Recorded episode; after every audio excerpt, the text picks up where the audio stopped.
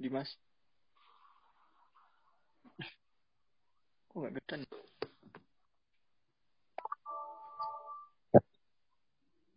Oke, selamat datang di podcast HMS Further Study. Nah, hari ini kita akan lanjutkan obrolan tentang uh, apa ini? Tentang program terpadu sarjana dan Ya, magister ya, Kak. Sebelumnya kenalin aku Hifni dari Kuya Ganapati dan ada teman gue Aku sini. Dimas dari Ganapati juga. Nah, hari ini Mas kita kedatangan kakak yang sebenarnya sangat familiar ya dengan HMS karena beliau sudah beberapa kali ngisi di loka karya Iya, ya betul. kak struktur ya kak. Nah, Iya bener banget nih, Kif. Narasumber kita kali ini bener-bener kece parah, Cik. Oke, mungkin Kak Alif mau memperkenalkan dirinya sendiri atau mengenalkan atau kami Ya, kayak lebih asik mengenalkan diri Oke, sendiri. boleh boleh. Eh, udah kenalin gue Alif Muhammad Reza, biasa dipanggil Alif. Eh, kuliah Sabana, sipil 2015. Hmm, apa lagi? Yang butuh dikenalin apa lagi? Ini apa di PTS Oh iya, saya ngambil PTSM bidang struktur dan alhamdulillah udah lulus kemarin eh, dua minggu lalu, sudah Oktober 2020. Oh iya. Iya, mantap. Oke, mungkin aku mau jelasin sedikit sih tentang kita ngapain hari ini. Jadi kegiatan podcast ini bagian dari rangkaian acara Hari Raya Keilmuan. Jadi nanti ada yang podcast, ada yang webinar. Nah, yang sekarang kita lakukan adalah yang podcast. Utamanya tentang eh, kuliah S2. Mungkin langsung aja ya, Kak. Nah, ini Kak. Sebenarnya aku masih masih bingung. Apa sih Kak yang membuat Kakak pengen melanjutkan S2 di ITB? Sedangkan ada beberapa orang yang pengen eh, S2-nya di luar negeri atau bahkan dia pengen langsung kerja. Oke, Em, mungkin gue jawab dari dua sisi ya. Pertama dari gue pribadinya. Jadi pertama tuh dulu gue ngejar buat lulus tiga setengah tahun. Jadi emang udah beberapa kali kayak ngambil 24 SKS, 23 SKS, karena gue nggak mau lama-lama lah kuliah di sini. Pengen cepat lulus tiga setengah tahun, pengen langsung kerja. Nah, ketika di akhir semester 6 itu prodi itu lumayan gencar lah buat ngajak anak-anaknya buat ikut PTSM ini karena tahun sebelumnya dikit banget lah. Nah akhirnya gue mikir-mikir lagi. Terus eh gue diskusi sama dosen wali juga itu ngebujuk banget karena ya ternyata dia salah satu yang ngatur PTSM-nya ini. Jadi dia menganjurkan gue buat ikut PTSM. Nah setelah dipikir-pikir kayak gue mikir Siapa Kak? eh dosen gue Pak Farid, dosen wali. Nah setelah dipikir-pikir Oke, oke. eh ya emang gue sebenarnya punya cita-cita tuh dari kecil pengen jadi guru. Terus kayak ya oke lah kalau gue jadi dosen ya gue punya cita punya bagian sebagian dari diri gue pengen jadi dosen dan ya atau enggak tetap di bidang sipil sih gue nggak mau keluar luar. Jadi mikir emang ya S2 itu penting. Gue cepat atau lambat gue akan S2 dan takutnya kalau gue kerja dulu banyak nih cerita dari eh ya dari saudara, dari teman-teman gitu yang udah kerja dulu dan malah lupa S2 gitu. Nah, terus selain itu, PTSM tuh enak banget waktu itu. Maksudnya emang kita tuh udah masuk ke jenjang kuliah selanjutnya, tapi nggak harus daftar gitu. Kayak ada syarat tes, ada syarat TOEFL dan lain-lain itu ribet. Yang ribet itu kita nggak ikut, jadi enak lah gampang. Dan karena gue yang udah lulus tiga, eh yang udah siap lulus tiga setengah tahun itu, jadi pas gue masuk semester 7 itu sisa kuliah tinggal dikit dan jadinya enak. Ya udahlah, sisa kuliah dikit, gue kalau tambahin kuliah S2 itu nggak bakal terlalu beban buat gue. Jadi ya udah, gue akhirnya memutuskan buat PTSM dengan kebutuhan-kebutuhan tersebut. Oh, jadi gitu ceritanya. Menarik banget nih, Kak. Terus eh aku jadi penasaran kalau secara general apa sih perbedaan yang Kakak pelajari selama di S1 dan S2 kayak misalkan eh, pelajaran yang dipelajari atau ada praktikum-praktikumnya gitu kak? Hmm, kalau struktur gue sendiri itu nggak ada praktikum. Uh, mungkin ada ya, tapi buat matkul yang gue gue ambil mungkin atau untuk yang ngambil penelitian atau tesis yang butuh praktikum. Tapi kalau gue pribadi nggak ada.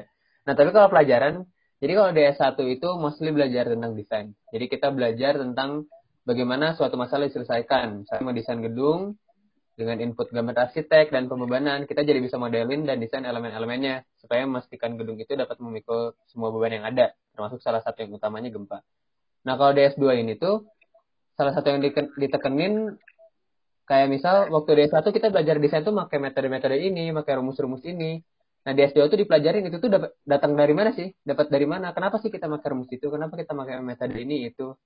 Nah, kayak misal kita kenapa kita harus pakai sengkang di balok sama kolom? Kenapa kalau pembebanan itu 1,2D sama 1,6 L? Kenapa ada syarat strong column weak beam? Kenapa koefisien modifikasi respon uh, begini-begini? Dan tambahannya juga kayak ada beberapa hal yang advance, kayak misalnya analisis nonlinear, pushover, metode elemen hingga. Dan ada juga hal-hal baru kayak sistem peredam struktur dan lain-lain. Uh, Kak, kalau kalau hal-hal seperti itu sebenarnya signifikan nggak sih kalau misalkan aku memang dari awal pengennya fokusnya ke kerja. Kalau kakak kan tadi pengennya pengen jadi dosen. Hmm. Sebenarnya signifikan nggak ilmu yang didapat di S2 untuk dunia kerja itu? Oke, okay, jadi gini ya. Uh, kalau mau kerja doang, kalau emang cita-citanya mau kerja jadi insinyur sipil, desain, itu ilmu di S1 itu sangat cukup. Ditambah dengan pengalaman-pengalaman yang nanti dapat di dunia kerja. Kayak khususnya struktur, itu yang dibutuhin kan kemampuan desain. Kayak ya paling nanti harus nyesuaiin sama kondisi lapangan yang dinamis tapi secara umum cukup lah nah tapi dengan ilmu-ilmu yang didapat di S2 ini kita tuh bisa um, ada beberapa hal yang itu nggak bisa dilakuin anak S1 misal kayak sekarang bangunan yang lagi konstruksi bangunan tertinggi di Indonesia Tower One Tower One di Tamrin 9 itu analisisnya dengan nonlinear dengan uh, nonlinear time history analysis kenapa butuh itu supaya lebih uh, bisa dikonstruksi lah. Terus bagian terus ada juga satu uh, bagian yang nggak bisa dikerjain sama anak satu yaitu optimasi sama butuhnya analisis nonlinear. Uh, nggak semua nggak nggak semua butuh itu tapi ada beberapa hal yang akhirnya itu butuh anak S2 dan ya tentunya dapat uh, kalau kita ngomongin salary-nya ya tentunya itu lebih besar gitu daripada yang ya. cuma S1. Oh iya bener sih, bener bener. Hmm, kayak gitu terus kak uh, aku penasaran sih uh, dari tadi kan kakak bahas tentang struktur. Kalau dari kakak sendiri apa sih yang membuat kakak milih akhirnya oh gue pengen ngambil PTSM struktur nih dibanding lima dibanding lima yang lain kan? Kalau dari kakak kira-kira apa perbanding apa pertimbangannya? Jadi dulu banget nih awalnya gue masuk sipil tuh pengennya transport. Tapi pas kuliah beberapa semester kayak ya suka aja sama struktur terus dosen-dosen juga sih. Sebenarnya ini faktor yang paling menentukan tuh kayak menurut gue dosen sih kayak dosen-dosen struktur tuh hmm. enak banget dan ya bisa gue bilang kan maksudnya profesornya banyak kan jadi uh, eh, okay. gue jadi bisa bikin gue lebih suka aja gitu kalau dosen hmm. favorit siapa kak? Kalau dosen favorit uh, dalam hal apa nih? Maksudnya ada beberapa. Ya gue ya, yang yang gimana? Yang menginspirasi kakak, oh iya aku pengen struktur aja deh gitu. Kan tadi kakak bilangnya dipengaruhi oleh dosen. Oh, yang pertama kali ya, mungkin gue sebut yang pertama kali itu Pak Iswandi. Waktu gue oh, kuliah struktur beton itu Dan kali. jadi asisten beliau ya? Iya, ini asisten kedua kalinya nih harusnya bukan angkatan gue yang jadi asisten. Nah ini Pak Iswandi itu sudah gitu Pak Indra Jati, Pak Bambang sama uh, dos beliau sekarang Bu Herlin. Oh. Kayak dosbing kemarin ya, udah lulus lupa. oh, Bu Herlin itu dosen pembimbing dosen pembimbing S1 ya? dan S2, TA dan tesis. Oh, iya. Jadi lanjut kan jadi kalau PTSM itu kalau struktur dan mungkin kakak lain juga ya, itu tuh uh, sejalan lah kita ngelanjutin dari TA-nya S1. Nah, uh, biar tetap nggak uh, keluar jalur dan bisa dipantau dengan baik, jadi dosbingnya biasanya sama. Oh. Hmm, gitu.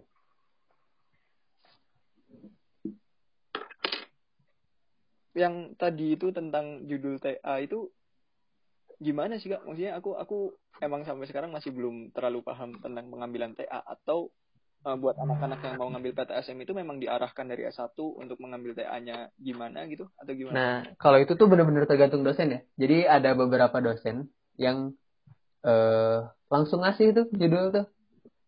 Kalau nggak salah Pak Bambang, Pak Indra itu ngasih. Bener-bener judulnya dikasih kita tinggal ngerjain. Tapi kalau kayak gue Bu Herlin itu nggak ngasih sama sekali. Jadi ya dia ngarahin kayak ya mungkin beberapa hal kamu bisa tentang budget tentang dinamika struktur. Tapi ya cari sendiri. Akhirnya gue cari cari sendiri tapi tetap tiap minggu gue ketemu sama Bu Herlin buat diskusi. Bu ini saya dapat beberapa alternatif kayak gini nanti Bu Herlin nyaranin e, kalau mau yang ini gimana ini gimana akhirnya gue cari-cari lagi itu sebenarnya nggak susah karena ya jangan takut lah karena banyak referensi banyak jurnal-jurnal internasional dari Indonesia yang bisa diakses lewat uh, eh, VPN ITB atau mungkin bisa dari wifi langsung ITB. Pokoknya yang penting sebenarnya ketemu dosen dulu aja di awal ketika tahu dosen bingung siapa ketemu dosen diskusi sama dosen nanti kita tahu harus uh, milih judul TA-nya gimana. Tapi berarti oh. kalau uh, untuk PTSM itu nanti diarahkan biar uh, sesuai antara S1 sama S2-nya gitu kan? Uh, um, iya sih, cuman sebenarnya kalau S1 walaupun misalnya kan gue tuh tentang dinamika struktur, tentang sistem kontrol. Nah, itu waktu S1 waktu TA S1 itu tetap uh, fokusnya ke desain. Kita penelitiannya dikit lah. Kayak ke penelitiannya tuh kayak cuman dikit tapi tentang desain. Jadi sama aja sebenarnya sama yang lain, cuman dikerjanya sendiri dan nanti emang uh, diharapkan bisa dilanjutin waktu tes. Hmm. Oh iya, uh, tadi barusan kakak bilang kayak uh, pengerjaannya sama kayak TA yang lain. Berarti maksudnya kan eh, TA terpadu hmm. nih kak. Terus kira-kira kayak apa sih perbedaan atau ada nggak sih kesulitan tersendiri? Uh, kan PTSM ini ngerjain TA-nya sendiri. Kalau yang lain kan ngerjainnya bareng-bareng gitu kak. Ada nggak uh, kendala tersendiri dalam menyusun TA di PTSM ini? Hmm, jadi sebenarnya harusnya ya mungkin kendalanya tuh eh yang gak punya teman buat diskusi tapi sebenarnya kan kayak kalau yang TA terpadu misalnya tiga orang ya ntar dia ngerjain tiga bidang kan misalnya struktur geotek sama MRK-nya misalnya kayak gitu ya jadi kesulitannya tingkat kesulitannya bakal sama aja gitu-gitu aja tapi mungkin kalau dalam pengerjaannya itu jadi kurang mendiskusi aja maksudnya eh, walaupun yang tadi misalnya terpadu itu bertiga punya kerjaan masing-masing, tapi karena mereka kelompok, jadi mereka ngerasa punya beban yang sama, uh, mereka ngerasa punya target yang sama, akhirnya bisa saling ngebantu, kayak gitu ya. Nah, buat yang PTSM sendiri, ini kalau misalnya uh, apa ya mandat, terus atau enggak motivasinya lagi turun gitu, itu ya itu karena udahlah, gue jadi kalau yang PTSM itu kalau misalnya kalian tiba-tiba down gitu, lagi nggak pengen ngerjain, seenggaknya kalian tuh ada rasa kayak, aduh gue nggak mau bikin teman gue telat lulus gitu. Dengan PTSM ini enggak. PTSM ini kayak, ya udah kalau telat lulus lu rugi sendiri, jadi nggak ada tanggung jawab ke orang lain gitu. Itu yang bikin sebenarnya hambatannya waktu itu. Tapi untungnya gue waktu itu kan kalau tingkat akhir kita bisa ngerjain di UPSI sih waktu itu. Mungkin karena ya belum masa pandemi gini ya, jadi di UPSI terus ya ujung-ujungnya ngerjain bareng-bareng yang lain juga bisa diskusi juga bisa nanya teman juga jadi waktu itu gue nggak ada masalah sih single factor gitu yeah. ya uh, oke okay. eh ini nggak sebenarnya kalau uh, tadi kakak di awal sih udah nyinggung tentang keuntungan PTSM itu kita nggak perlu apa nggak perlu ujian S2 atau seleksi masuk S2 tapi selain itu ada nggak sih kak kayak Eh, keuntungan-keuntungan baik itu dari segi administrasi maupun dari keilmuannya. Hmm, sebenarnya kalau keilmuan jelas ya, maksudnya dapat banyak hal baru. Oh, Tapi iya. kalau tentang administrasi, gue semua yang PTS, yang PTSM itu dapat kemudahan buat ngajuin beasiswa. Namanya tuh beasiswa voucher ITB. Jadi eh, di angkatan gue ya, semua yang ngajuin beasiswa itu dapat beasiswanya. Jadi kita nggak bayar kuliah. Lumayan tuh. Hmm, oh, kita iya. nggak sama sekali nggak ada yang bayar. Jadi S2-nya S2-nya gratis, gratis betul. Cuma beda satu. Oh. Jadi waktu itu di awal-awal di awal kita daftar beasiswa itu ada tulisannya kuota untuk beasiswa ini adalah 14 orang untuk FTSL. Sedangkan waktu itu sipilnya aja PTSM-nya 23, 24 kalau Eh ternyata dapat semua. Wah, menarik. Uh, waktu zaman kakak PTSM itu uh, persaingannya lumayan ketat. Nah, gimana? nah sekarang... waktu itu tuh, jadi sejak angkatan 13, 2013, 2014 itu tuh menurun banget yang minat PTSM dan waktu itu batas IPK-nya IPK dan NR semester IP dan NR semester 6-nya harus 3,5. Nah, pas angkatan gua karena emang pengen narik lebih banyak, itu diturunin standarnya. Jadi IP sama NR semester 6-nya batasnya 3,25. Benar-benar dimudahin dan ya akhirnya hampir masuk semua sih. Yang gak, yang daftar tapi nggak masuk tuh kayak cuman hitung jari lah dikit banget gitu dan kalau yang gue dengar dengar ya dari angkatan 16 aja udah ini apa namanya lebih banyak lagi maksudnya lebih dimudahkan lagi sebenarnya karena kalau yang gue denger ya jadi dosen-dosen ITB ini tuh pengen punya uh, rekan-rekan atau teman-teman adik-adik yang bisa ngebantu mereka ngelakuin penelitian. Dan agak kurang ini ya kalau misalnya yang S1-nya bukan ITB itu kebanyakan uh, kurang bisa diajak buat hal-hal kayak gitu. Kurang mas kurang serak juga mungkin mereka atau gimana aku nggak ngerti ya. Mungkin nggak semuanya tapi mostly gitu nah makanya akhirnya mereka karena pengen itu juga dan pengen naikin kualitas S2 ITB-nya juga akhirnya dimudahkan si fast track ini atau PTSM ini. Oh oke oke. Uh, kalau yang ini nggak kan tadi kakak bilang uh, enggak, enggak enggak bukan gitu sih. Anak PTSM itu banyak yang jadi asisten. Tapi sebenarnya kalau anak PTSM itu sambil kerja itu visible okay. sih kan kalau tentang asisten ya jadi ter, jadi jadi asisten itu syarat kita dapat beasiswa. Makanya kita harus jadi asisten ya. Oh iya. Syaratnya kita eh, dapat beasiswa. Walaupun nggak diperiksa sih akhirnya jadi walaupun nggak jadi asisten nggak ada yang tahu juga. Cuman waktu itu di awal dibilangnya syaratnya kayak gitu. Jadi ya lagian kalau misalnya nggak jadi asisten juga agak ini ya agak sayang juga gitu. Waktunya banyak nggak ini. Kan orang udah nggak udah bukan HMS juga. Nah kalau tentang kerja hmm. Gue pribadi sambil kerja uh, di Pak Iswandi kebetulan dari dari seminggu sebelum wisuda Juli gue tahun lalu itu gue udah mulai kerja uh, dan itu mungkin tapi perlu di garis bawahi bahwa yang mungkin kerja itu kalau uh, di kantor yang memperbolehkan orangnya sambil kuliah. Jadi mungkin kehitungnya kayak part time gitu sih. Soalnya nggak selalu bisa di kantor kan. Ada masa-masa gue harus kuliah, ada harus ngerjain tugas. Tapi selain itu mungkin gue di kantor. Nah itu um, itu harus di ini lagi lah. Dan beberapa yang uh, hampir pasti memperbolehkan masih uh, karyawannya kayak gitu adalah yang punya dosen gitu. Oh iya. Gue dan beberapa teman gue juga kayak gitu dan mungkin kalau struktur ada di ada di Pak Iswandi, di Pak Ediansyah, eh, Pak Rian. Tapi kalau kalau geoteknik ada di Pak Wayan, di Pak Endra gitu. Dan kalau transport ada lagi, ya pasti adalah semuanya dosen-dosen. Atau minimal kalau nggak kerja yang ngantor gitu, bisa juga sambil ngebantu uh, dosennya penelitian sambil ngebantu proyek ya. dosen pembimbing gitu itu bisa juga.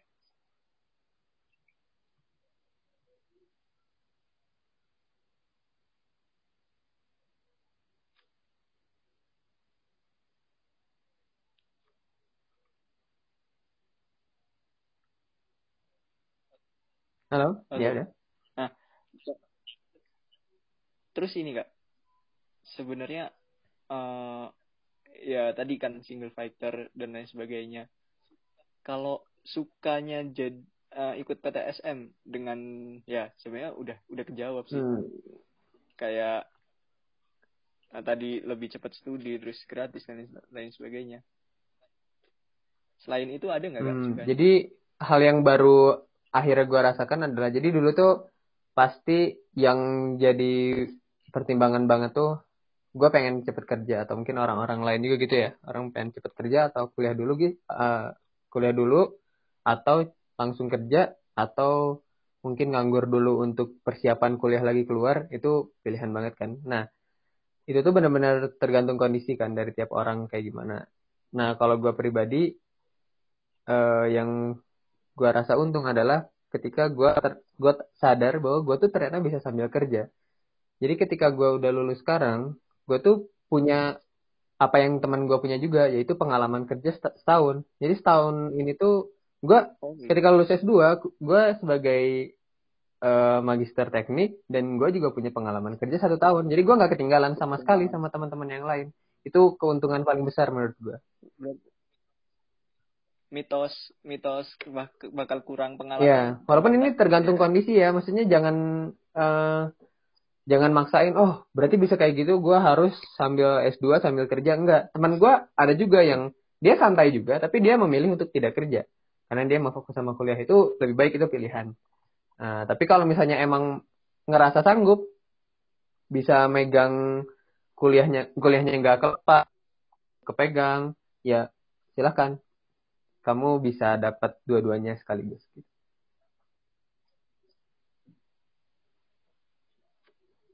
Oke.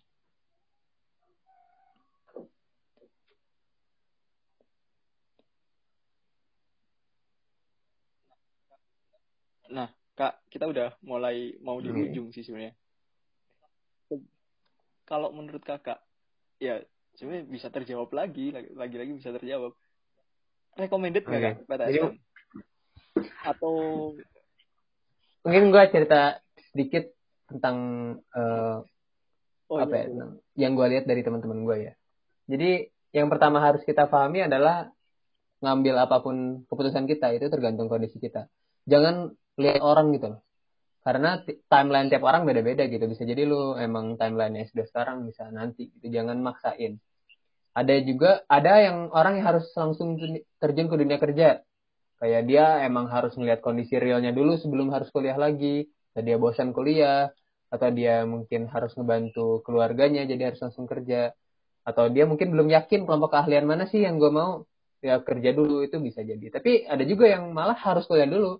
Kayak gue gitu. Gue ngerasanya emang waktu itu ngerasa ya perlu juga kuliah dulu. Kayak uh, ya mungkin gue karena mau jadi dosen juga. Terus ada juga orang yang pengen mendalami uh, lebih dalam materinya dulu atau ada juga yang karena belum siap kerja gitu nah kalau saya pribadi karena emang gak ada tekanan yang harusin buat kerja full time gitu ya udah untuk jangka panjang tuh S2 lebih baik menurut gue ya kan kayak ya di PTSM ini kayak kesannya kayak cuma tertinggal setahun kalaupun gak kerja ya kayak ketinggal setahun tapi itu nggak ada apa-apanya dibanding hidup yang rata-rata masih puluhan tahun lagi. Tapi bisa dapat kesempatan buat dapat ilmu di lebih banyak di awal ini, jadi kenapa enggak? Dulu juga kayak suka ada teman-teman yang nanya ngapain sih buru-buru kuliah lagi? Ya gue tanya balik, ya emang kalian ngapain juga buru-buru kerja lagi gitu? Mana yang nanya itu bukan dari keluarga, butuh dia cepet kerja juga gitu kan? Kenapa dia buru-buru kerja? Ya jadi emang jangan, yang penting tuh jangan bandingin sama temen. Kalian masing-masing punya timeline hidup, jangan risih sama pencapaian hidup lain. Uh, jalanin apa yang kalian mau dan pasti kalian nemu juga menurut kalian masing-masing itu lebih baik langsung PTSM, S2 keluar atau udah kerja dulu aja. Oke. Jadi aku mau nge-quote bahwa semua hal itu jangan dibandingin sama teman punya punya garis nah, waktunya masing-masing ya kak kurang lebih gitu Mungkin mau closing statement nggak? Hmm, closing statement ya. Ya, biar biar kayak podcast podcast. Gitu. Jujurnya gue belum pernah seumur hidup dengerin podcast. Terus tiba-tiba gue diajak buat ngisi podcast oh, iya. gue. Nah pokoknya mungkin uh, closing statement ya. Selain tentang kita jangan apa ya jangan risih sama pencapaian orang lain tadi uh, mungkin closing statementnya gini deh. Dengan ikut PTSM ini kita bisa punya banyak hal lebih gitu dari teman-teman kita yang di yang kerja dulu yang nggak langsung PTSM. Tapi dengan kita bisa kerja juga, kita langsung kerja juga, kita bisa dapat beberapa hal yang lebih juga daripada yang PTSM. Uh, eh, dan itu tergantung kita masing-masing. Nah, ketika kita akhirnya memutuskan buat PTSM ya harus siap aja bahwa emang kita di situ bakal dapat ilmu-ilmu baru dan ketika kalau gue pribadi ya gue pribadi ketika gue bisa dapat S2 dapat kesempatan buat PTSM ini gue dapat uh, kesempatan buat kuliah gratis gitu. Dan nggak susah syaratnya waktu itu. Gue ngerasa gue jadi punya tanggung jawab lebih aja ke masyarakat atau Indonesia secara umumnya. Ketika gue tuh emang punya dapat gue punya ilmu lebih banyak dari teman-teman gue yang lain. Nah dengan punya hal-hal kayak gitu atau mungkin sebenarnya yang S1 juga ya yang S1 tuh lu punya banyak ilmu yang lebih banyak daripada teman-teman yang mungkin cuman dapat kesempatan lulus S2 jadi eh, eh cuman punya kesempatan SMA gitu jadi pesan gue banget itu tetaplah berusaha coba kerja dulu di teknik sipil gitu. Gue ngelihat teman-teman gue tuh di teknik sipil ya. Maksudnya gue ngelihat ya teman-teman gue tuh banyak yang ya udah iya. akhirnya masuk ke bisnis konsultan, masuk ke ya masalah ya bisnis atau manajemen kayak gitu itu banyak. Mungkin lebih banyak daripada yang tetap di sipil. Gue nggak ngitung ya, cuman cukup banyak lah dari teman-teman gue ini. Jadi kalau yang kalian punya udah dapat ilmu semua di sipil ini, coba uh, tetap bertahan dulu di sipil.